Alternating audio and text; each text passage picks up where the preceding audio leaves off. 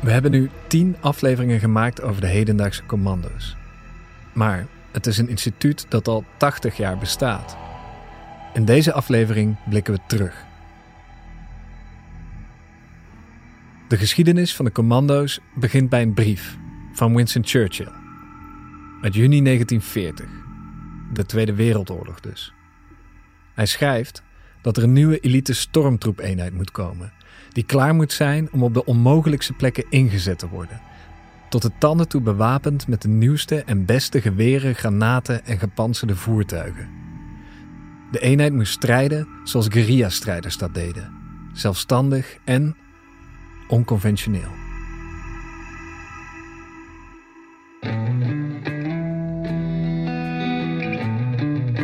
Die eenheid komt er. En in 1942 gaan de eerste Nederlandse vrijwilligers naar de Schotse hooglanden om met die eenheid te trainen.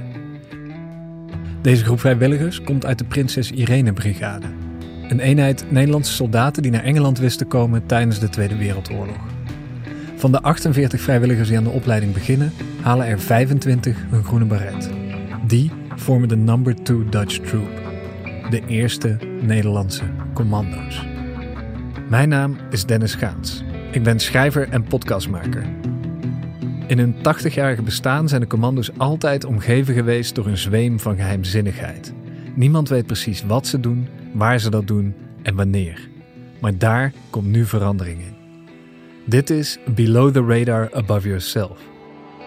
De podcast die een unieke inkijk geeft in het werk en het leven van de elite troepen van de landmacht, de Nederlandse Special Forces, oftewel de commando's. In deze podcast vertellen de commando's zelf waar ze voor worden opgeleid, hoe een geheime missie in zijn werk gaat en wat voor mensen het eigenlijk zijn, die mannen van het korps commandotroepen. Of het KCT, zoals ze het zelf noemen.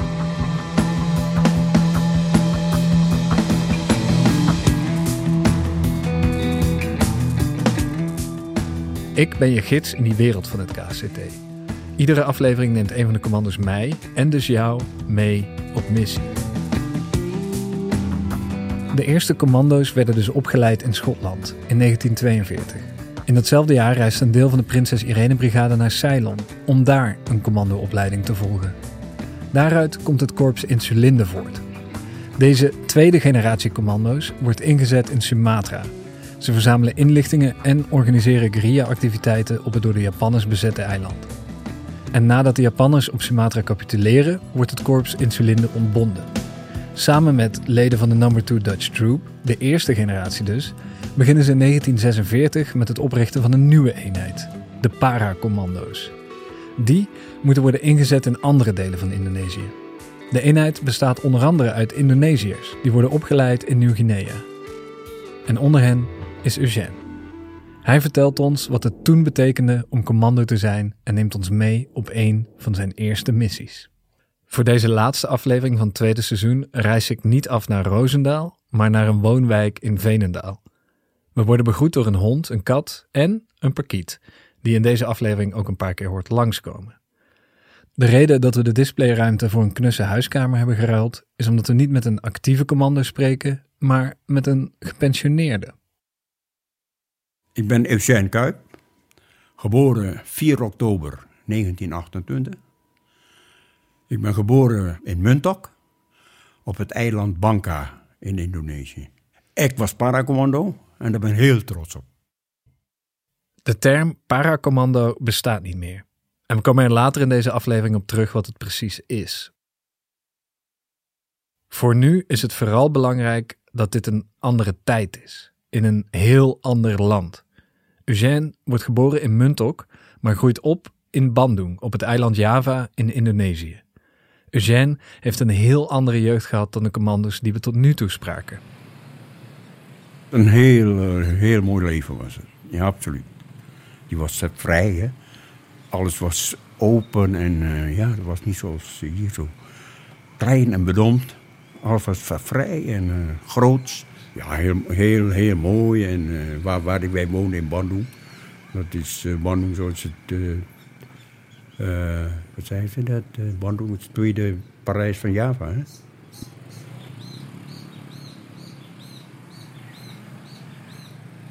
De Tweede Wereldoorlog komt in februari 1942 ook in Java aan. Met de slag om Java. Japanse troepen vallen het eiland binnen en er wordt hevig gevochten. In korte tijd verliezen de geallieerde troepen bijna duizend man en worden er nog eens net zoveel gevangen genomen. Twee weken later hebben de Japanse troepen het eiland in handen. Hun hoofdkwartier vestigen ze in Bandung, waar Eugène opgroeit. Zes jaar lagere school. Toen brak de oorlog uit en uh, geen school meer verder gehad. Dus ik was toen uh, 13, 14 jaar toen de oorlog uitbrak. En uh, heel wat, heel wat meegemaakt. Je was geen, niet, geen puber meer. Want ik heb uh, mijn jeugd, ik heb geen jeugd gehad eigenlijk. Hè. Het is een moeilijke periode voor Eugène, waar hij liever niet al te veel over uitweidt. Velen die daar geweest zijn, die praten daar niet over. Hè? Over die tijd. Eigenlijk moet dat wel. Hè? Maar ja, soms kan dat niet hoor. Ik bedoel, soms uh, komt alles weer naar boven. Het zijn wel hele moeilijke dingen die naar boven komen. En daar praat je liever niet over. Tijdens de bezetting kan Eugène niet naar school. Mag hij niet naar school. Hij moet werken, want anders werd hij opgepakt en gedetineerd. Dus heel de oorlog lang, heel zijn puberteit, werkte Eugène. Ja, je moest dus uh, wel werk hebben, anders uh, werd je gepakt. En ik had dat werk tot, uh, tot na de oorlog. na de oorlog ben ik weer naar school gegaan, een technische school. Eugène studeert elektro aan de Technische Hogeschool, de eerste hogeschool van Indonesië. Maar lang houdt hij het niet vol. Ik heb daar drie jaar, twee, drie jaar gezeten. Dat kon verder, verder niet. Maar uh, het, het, leven uh, tijdens de oorlog, dat heeft uh, mij eigenlijk... Dat, nu, zei je, nu hebben ze de PTTS of zoiets. Dat had ik toen waarschijnlijk, maar dat wist ik dus niet. Hè? Oh, als jongen al? Ja, ja want er was ellende daar. Ik had dus een hele. Ik was zo gestrest. Je wist niet wat, wat het was. En dat schijnt dus uh, toch wel die, die ziekte te zijn. Maar ja, toen, ik, ik kon die school niet meer afmaken. Dat was, uh, ik, ik, zocht iets anders dus dan, dan die school. En dat was, ja, in de krant stond die, die advertentie. Eugène kan zich niet focussen op de opleiding. Achteraf heeft hij waarschijnlijk last gehad van PTSS, een posttraumatische stressstoornis. Hij weet niet wat hij wil, maar elektro is het in ieder geval niet. Toen zag ik een uh, advertentie in de krant van uh, Defensie. Uh, telegrafisten gevraagd in Nieuw-Guinea. Nou, toen dacht ik, ja, ik, ik zat daar af in elektro. Ik denk, hé, dat komt mooi uit als ik telegrafist word. Dan had je toch een beetje een achtergrond van techniek. En ja, ik heb daar toen op gesolliciteerd. Jean solliciteert bij Defensie, naar de functie van telegrafist. Maar er zit een haak aan dit verhaal. Hij is eigenlijk nog niet oud genoeg om mee te gaan.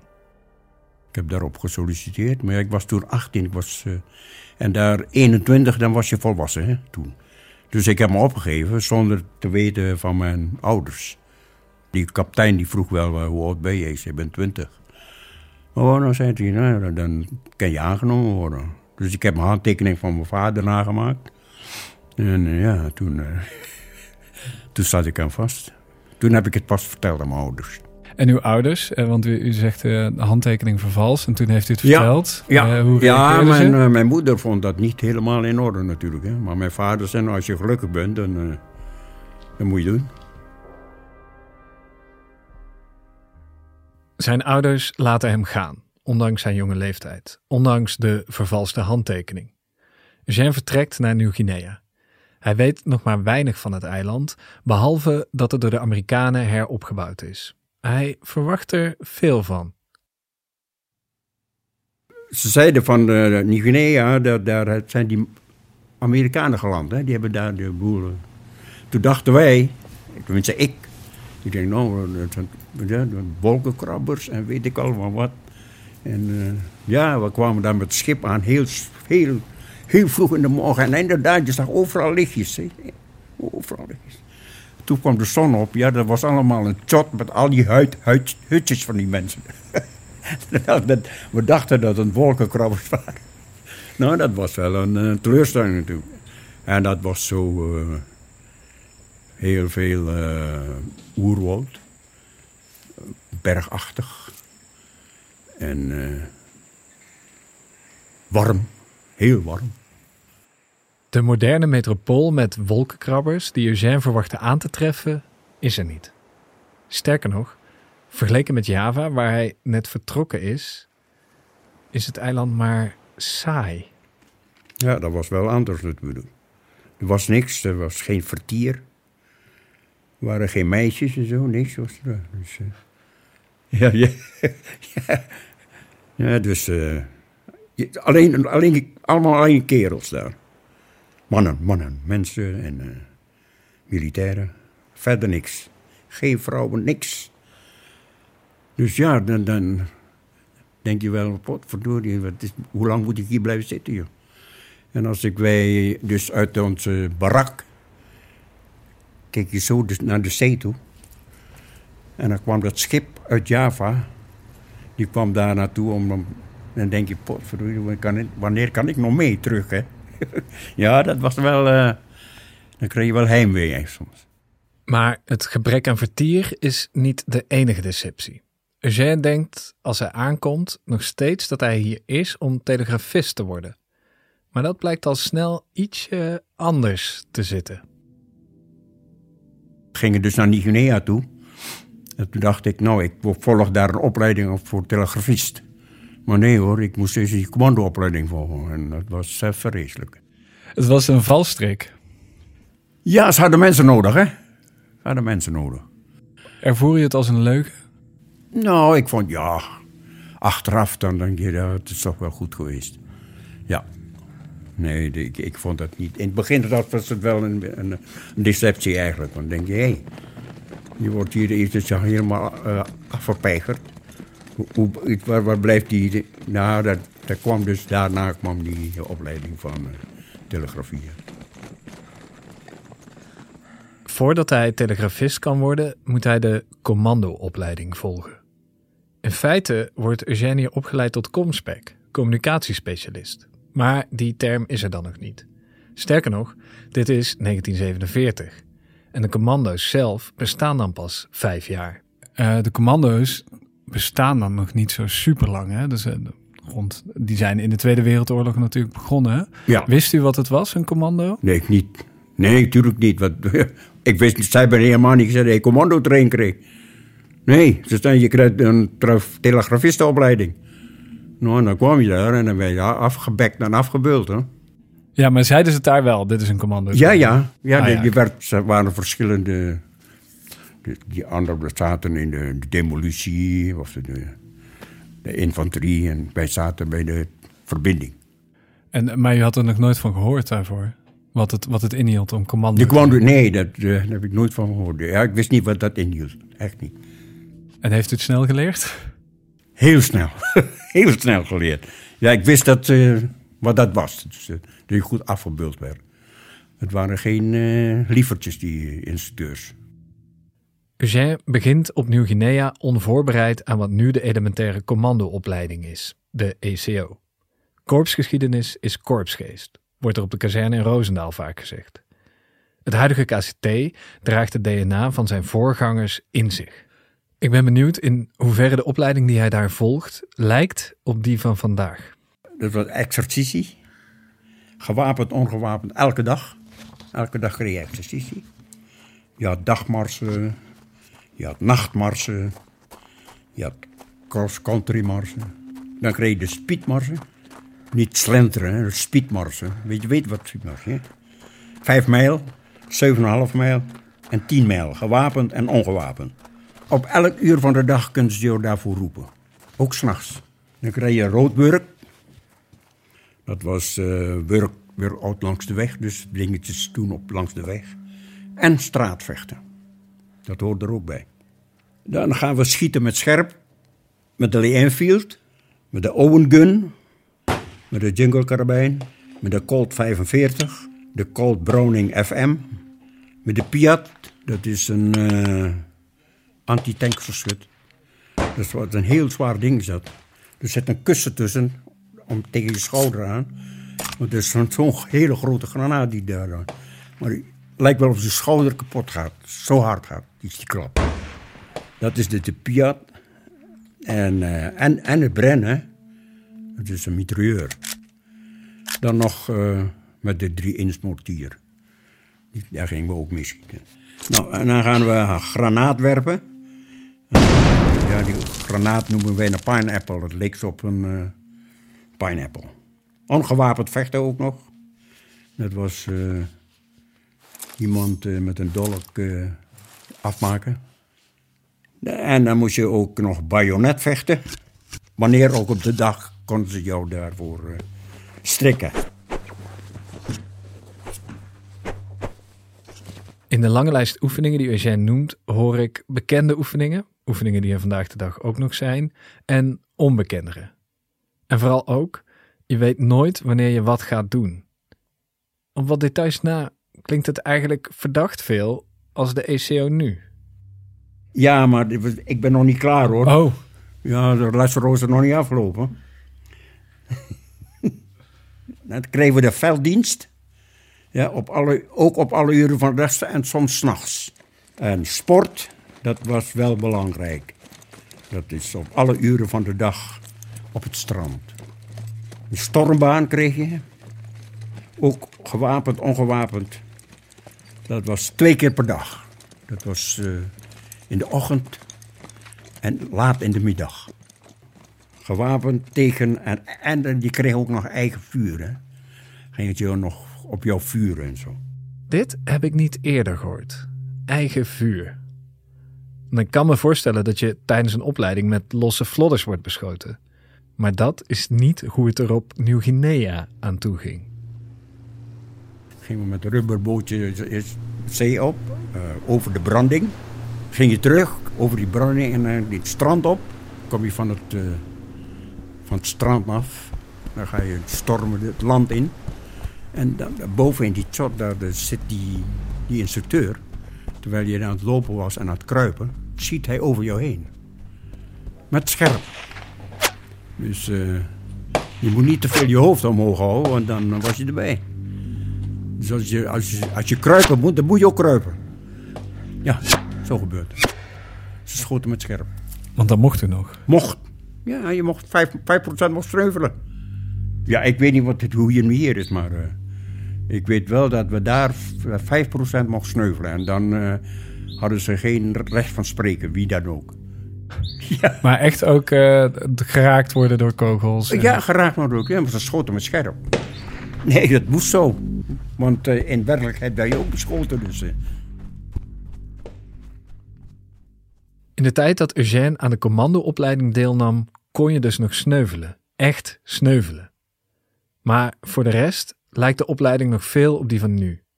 Behalve dan natuurlijk dat die van Eugène op Nieuw-Guinea plaatsvond, waar het landschap alles behalve vlak is en er een tropisch klimaat heerst.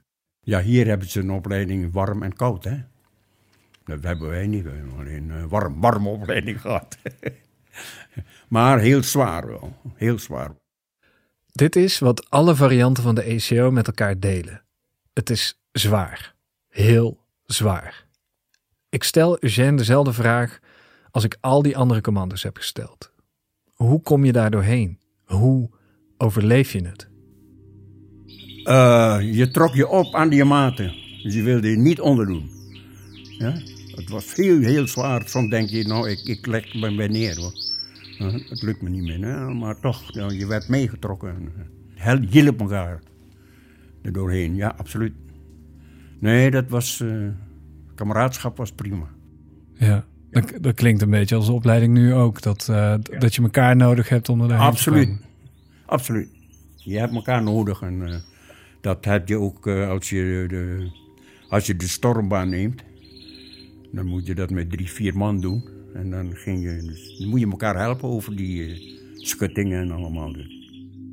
De Eugène die aan de commandoopleiding begon, is niet de Eugène die uiteindelijk van Nieuw-Guinea terugkomt.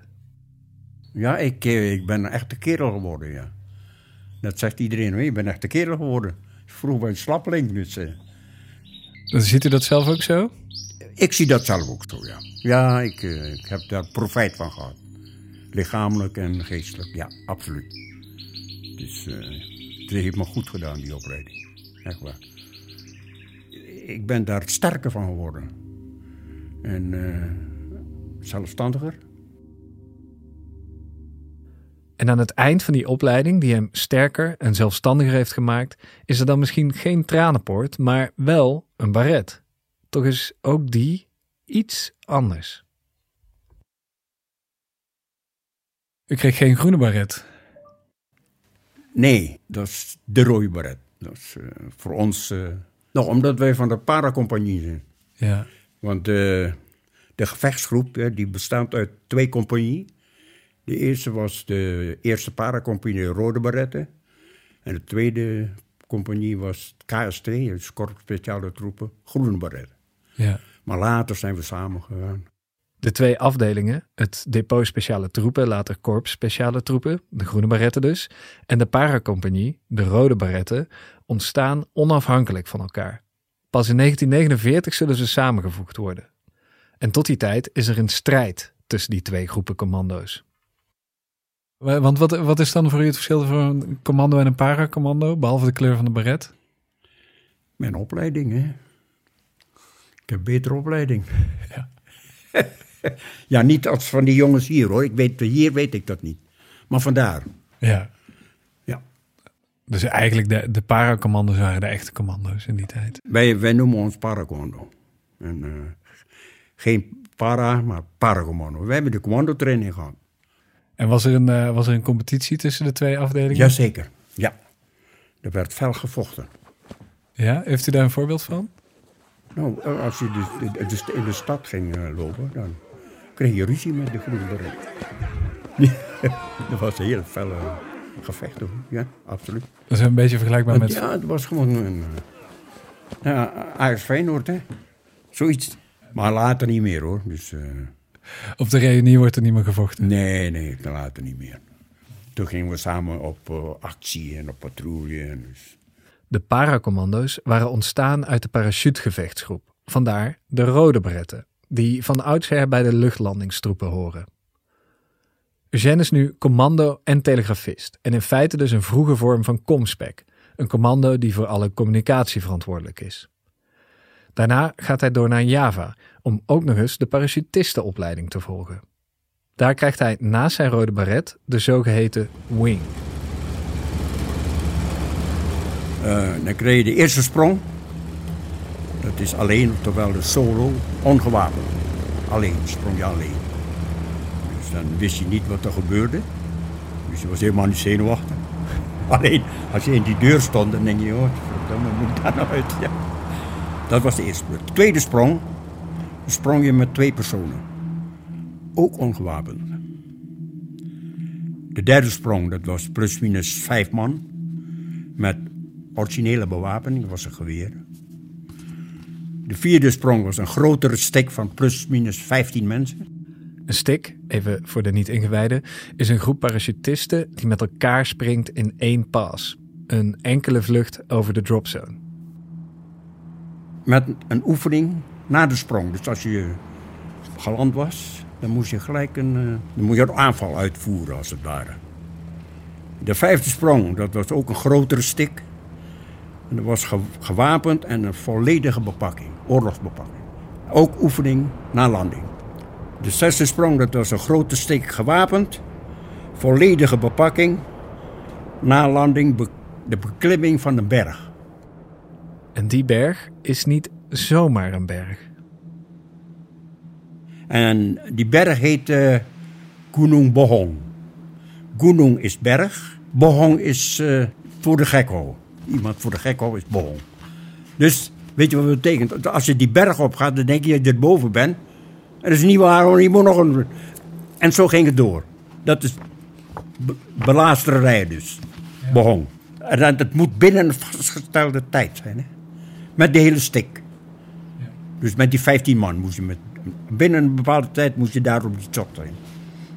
En de zevende sprong, dat is de nachtsprong. Nou, en daarna kreeg je wing, hè. Dan was je gebreveteerd uh, parachutist. Let wel, tussen het vervalsen van die handtekening en het behalen van de wing zit net iets meer dan een jaar. En dan is Eugène paraat, klaar voor de inzet. In totaal zal Eugène deelnemen aan vier missies, allemaal als paracommando, allemaal als parachutist. En, en, niet alleen een van maar ik heb veertig sprongen gemaakt. Maar ik ben altijd, uh, bij elke sprong ben ik zenuwachtig geweest. Ja? Ja hoor. Ik wel. Er zijn anderen die zeggen, nou nee, ik niet joh. Maar ik wel. Wij hadden maar één chute. We hadden nooit een reserve. Dus wij waren de goedkoopste parachutisten. Commandant die zei altijd van, ja, als er wat gebeurt... het enige wat je doen kan is een schietgebedje. In de missies die ze doen zijn de sprongen gevaarlijker dan bij de oefeningen. In aflevering 8 van het eerste seizoen hadden we het over springen van grote hoogte. Dit is het tegenovergestelde. Normaal eh, spring je op 300 voet. Maar tijdens de acties, tijdens, we waren in vijandelijk gebied, sprong je op 120 meter. Ja. Dat is niet veel ruimte. Dat is niet veel, dat is niet veel, nee. Dus uh, zodra je uit het vliegtuig sprong, moest je alles klaarmaken voor de landing. Dat is zo beschermd wordt, hè. Zo min mogelijk uh, voor de vijand. Dat je, ja, dat je snel op de grond bent. Er is weinig tijd tussen sprong en landing. Tijdens Eugène's eerste missie gaat de sprong vlekkeloos. Maar bij de tweede zal hij daadwerkelijk een schietgebedje moeten doen, zoals zijn commandant hem aanraadde. Die missie vindt plaats amper tien dagen na zijn eerste inzet. Wist je dat van tevoren, dat het zo snel zou gaan? Nee, nee, nee. Dan, dan werd je, je moet dus uh, terugkomen in de kazerne. En dan werd je, uh, hoe noemen ze dat? Uh, werd je gebriefd. Dat je dus weer een actie moest doen. En dan mocht je kazerne niet meer uit. Dan had je al een briefing gehad van, en die wist dus wat er gaande was. En dan mocht je niet aan, niemand doorgeven, ook niet aan je ouders of aan je meisje. Of wat. Dus je moest binnen blijven. Ja. Een soort zwijgplicht. Uh, Zo is dat. Opgelegd, ja. Vanaf het moment dat ze de briefing krijgen, zitten de commando's effectief in quarantaine. Ze mogen niemand op de hoogte brengen om te voorkomen dat er iets over de missie lekt. Inmiddels is de missie al een paar jaar geleden, dus Eugène kan ons er nu wel iets over vertellen. Het is een gezamenlijke operatie van de rode en groene baretten. Die operatie heette Extra. Hè? Dat is Jambi, dus 29 eh, december in 1948. Het plan was dus uh, van de luchtlanding om vijf doelen te veroveren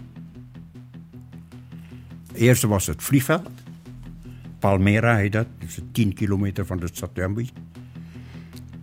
Het tweede was het olieterrein. Dat was uh, Kanali Assem. Dat was 8 kilometer van het vliegveld af. Dat was dus voor de rode baretten. En de groene baretten die kregen dus het olieterrein Tampino en het olieterrein Banjubang. En de rode baretten kregen nog de stad Jambi. Dus wij hadden de drie, moesten wij veroveren. De commando's wachten een paar dagen in afzondering. Tot de dag voor de sprong. Op de 28 december werd de hele gevechtsgroep... Uh, wij werden ondergebracht op het vliegveld in Batavia, nu Jakarta. Dat was Tililitan. Ja, en daar kregen wij dus te horen dat wij op de 29 december om uh, 4 uur 30 in de morgen het tijdstip was voor vertrek naar Jambi. Ze brengen een nacht op het vliegveld door. En dan komt de dag van de inzet. Ja, en op 29 december, om een uur of drie werden we gewekt. Uh, we zochten dus uh, onze spulletjes op, de lekbek. Weet je lekbek is? Ja. Nee. Nee? Dat was een, een, zak of een soort plunjezak die je aan je been vasthield. En daar zat dus uh, al je spullen in. Je radioset, en je munitie, uh, handgranaten, je, je, geweer. En we deden onze parachutes om. De motoren van die 16 Dakota's waren aan het warm draaien. Dus dat was een helskabaal daar.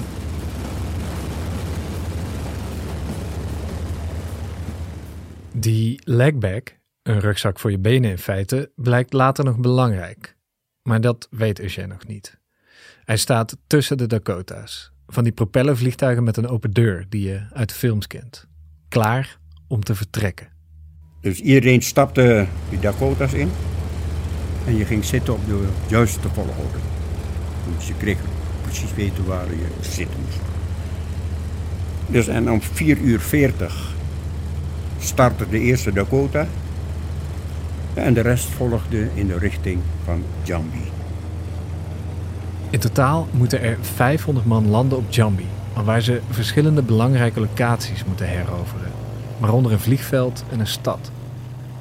Van de herrie en drukte op het vliegveld is weinig over als ze eenmaal onderweg zijn. Nou, het was, in het vliegtuig was het vrij rustig. En uh, ja, door de te weinig slaap die je had, dommelden sommige, sommige mensen dommelden in. Want het was nogal een aardige vlucht daar naartoe. Want je mocht het parachute uitdoen en uh, je, je, je, je uitrusting mocht je uitdoen. Het duurt twee uur voordat ze bij de eerste dropping zone zijn. Hun eerste target, het vliegveld. Op, op een gegeven moment naderden wij uh, de droppingzone. En uh, dus uh, de dispatcher die zei van klaarmaken voor sprong. Dus dan hing je je parachute om. Je lekbek aan je been vastzetten. En wachten. In de stik wachten op de sprong. Het moment voor de sprong. Ik stel me zo voor dat dit ook een moment voor schietgebedjes is. We naderden dus de dropzone, maar konden niet springen. In verband met een heel dik uh, wolkendek. Er was geen oriëntatie mogelijk. Het zicht is te slecht om te springen. Ze vliegen terug. Weer twee uur. En wachten op het vliegveld. Zich afvragend of de sprong nog zal komen.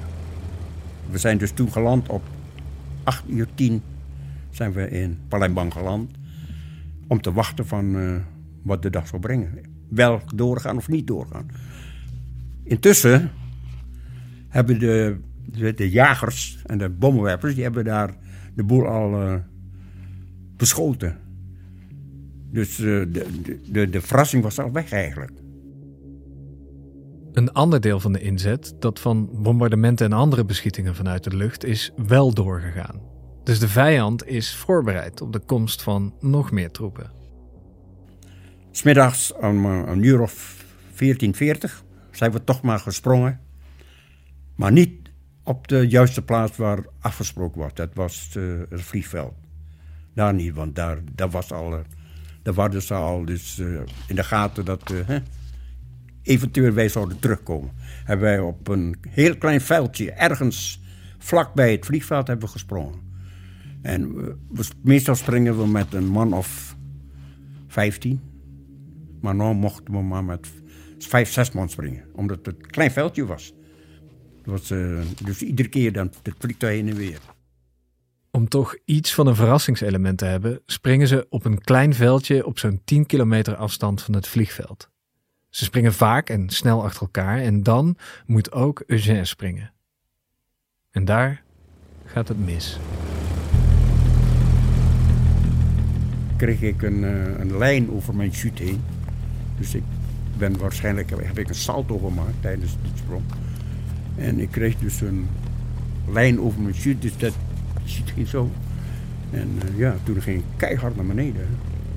Dat was wel het verschil. Dus bij de eerste keer als je sprong, dan zag je die, die staart van het vliegtuig over je heen gaan. En bij de tweede sprong zag ik hem niet. Want ik zat natuurlijk met mijn hoofd naar beneden op een andere manier. Eugène hangt ondersteboven in de lucht. Er is een lijn over zijn parachute gekomen, waardoor die maar deels opent en hij met een rotvaart van 120 meter hoogte naar beneden valt. Een wonder boven wonder blijft hij ongeteerd. Mede dankzij die legback.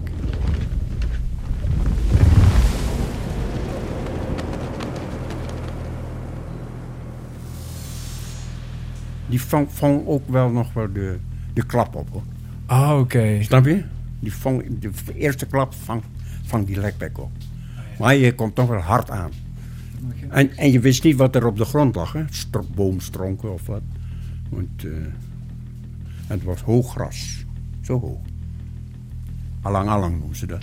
Dat is anderhalve meter ongeveer. Ja, dat zagen je niet. Dat was, eh, was goed voor ons eigenlijk. Ja. En eh, wat is het eerste wat je doet dan als je landt? Je uitrusting, je, je radio bij jou. en, wapens goed eh, klaar was om te vuren. Eugène heeft net een angstaanjagende val meegemaakt die heel anders had kunnen aflopen. Maar echt tijd om daarbij stil te staan heeft hij niet. Ze zijn immers geland in vijandelijk gebied. Dus wij zijn daar, daar dus op ge- geland op eh, Palmera. eh, niet op Palmera, maar op een heel klein veldje nabij het vliegveld. Hoe ver was het naar het vliegveld? 10 kilometer. En op weg dus naar het vliegveld. eh, maar wij moesten daar toch dat vliegveld bezetten. Hè? Dus toch toen hevig gevochten. Het TNI, het Indonesische leger, heeft het vliegveld en de nabije omgeving in handen. TNI betekent dus Tentara Nationaal Indonesië. Dat is hun leger. Zo heet dat dus.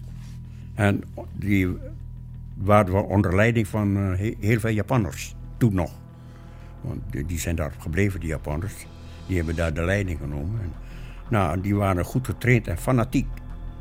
Dus eh, daar hebben wij tegen gevochten. Ja, maar we hebben dan het vliegveld toch wel in handen gekregen. En hoe heeft u het vliegveld toen ingenomen? Nou, met, eh, met aardig vechten. Met heel, heel veel vechten, ja. Want eh, het was daar behoorlijk eh, bewapend, hoor, dat vliegveld. Maar de meesten dachten dus dat wij niet meer zouden komen. Ze waren dus eigenlijk bezig met het schoonmaken van de wapens. En eh, dus dat, dat was ons eh, eigenlijk, eh, voor ons was dat heel goed. Alleen onderweg kregen wij die te- tegenstand. Hoewel de vijand goed getraind is, lukt het ze om het vliegveld in te nemen. Hun volgende doel is de stad Jambi, maar daarvoor is het eigenlijk al te laat op de dag. En wij moesten dus van, van het vliegveld af, eh, eigenlijk naar de stad Jambi. Maar dat was al te laat, het was al in de, in de avond dus. Dat was al niet meer... eh, maar we moesten daar drie, drie sprongen bezetten. Die, die, eh, die, die drie sprongen die, die kwamen uit Jambi, die wegen. Om een uitbraak, als het ware, van die TNI te, tegen te houden. Ook hier hebben wij behoorlijke tegenstand gehad. Het waren hele felle, felle kerels hoor. We hebben de hele nacht daar bij die diesprong doorgebracht.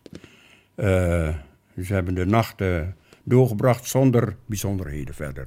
En de volgende dag om, eh, op 30 december, om half zes, deden we een aanval op de stad Jambi.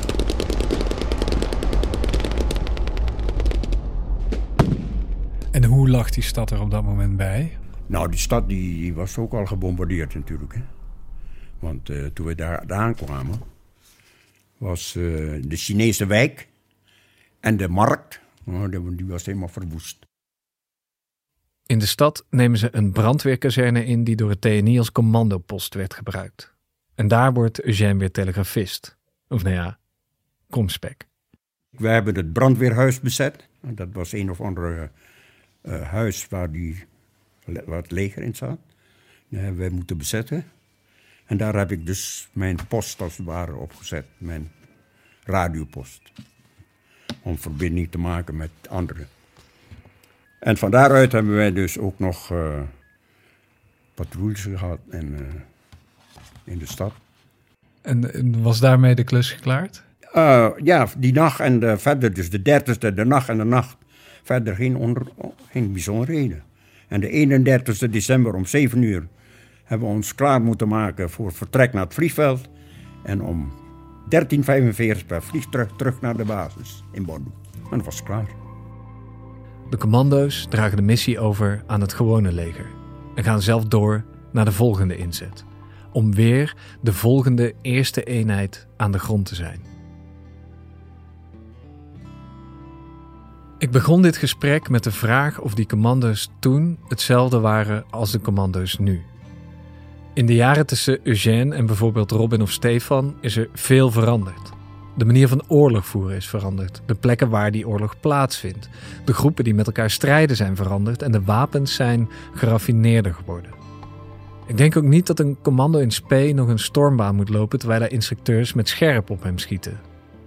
Maar toch is Eugène's verhaal niet zo anders dan dat van al die commando's die ik hiervoor sprak. Niet wezenlijk. Ook toen al waren de commando's die elite-troep, die als eerste een gebied binnenkwam en daar in kleine groepen zelfstandig moest opereren. Onwaarschijnlijk onmogelijke hindernissen moest overwinnen. Korpsgeschiedenis is korpsgeest. Dit is, denk ik, wat dat betekent. En, wat toen ook al niet anders was, na zo'n missie moet je even ontspannen. Wat ging je doen dan? Gewoon Hm? lekker eten, veel Ja, slapen. lekker relaxen. Hè? Ja. Dat, dat horen we niet op de radio hoor. Dat gebaar horen we niet op de... Want dat hoeft ook niet. relaxen, laat me zo. Oké. jongelui, je weet wat jongelui zijn, toch niet? Daarom. Eugène zegt dat hij door commando te worden ook sterker en zelfstandiger is geworden. Het heeft hem geholpen met zijn traumaverwerking, maar ook in zijn dagelijks leven. Ik, eh, ik, ik voel het wel dat ik eh, eh, die opleiding, dat het mij geholpen heeft in mijn leven. Ik word 94 straks en ik weet niet of dat geholpen heeft, maar, maar eh, jawel hoor, ik, daarom zeg ik, ik ben blij dat ik die opleiding heb. Ik ben eh, sterker geworden daardoor en echt waar. Voor aspirant commando's heeft hij dan ook maar één vrij simpele tip. Doen. Doen. Dan word, dan word je tenminste een kerel. Moet je echt doen. Het is eh, goed voor je lijf en leden. En voor je hele lichaam en alles. Fysiek en alles. Echt waar. Commandotraining. Echt waar. Het is goed. Ja, je moet het wel vol kunnen houden. Ik vond eh, mijn diensttijd vond ik eh, mijn beste tijd in, van mijn leven. Commando word je niet voor iemand anders, maar voor jezelf. Een commando ben je ook niet alleen maar voor je diensttijd. Commando ben je voor altijd. Bent u nog commando? Ik ben, nee, geen commando. Nee, maar voor je gevoel. Paracommando ben ik. En wat betekent, wat betekent dat voor u? Heel veel. Heel veel, ja. Ik ben er trots op. Ja. Ik ben trots dat ik die opleiding had. En dat ik eh, die rode beret heb. Ja, en die wing. Ik ben trots op, ja, ja. absoluut. Met de reunies heb ik ook eh, zo'n uniform aan. Met alles erop en eraan. Lijkt wel een kerstboom, maar maar ik zeg. Klinkt toch een beetje eenmaal een commando, altijd een commando. Ja, ben ik ook. Maar daarvoor zat uh, paracommando. Sorry, ik bedoel natuurlijk para-commando. Dit was de laatste aflevering van het tweede seizoen van Below the Radar Above Yourself. Ben je nieuwsgierig geworden naar het leven als commando en wil je meer weten over de opleiding? Kijk dan op werkenbijdefensie.nl schuine streep commando of klik op de link in de show notes.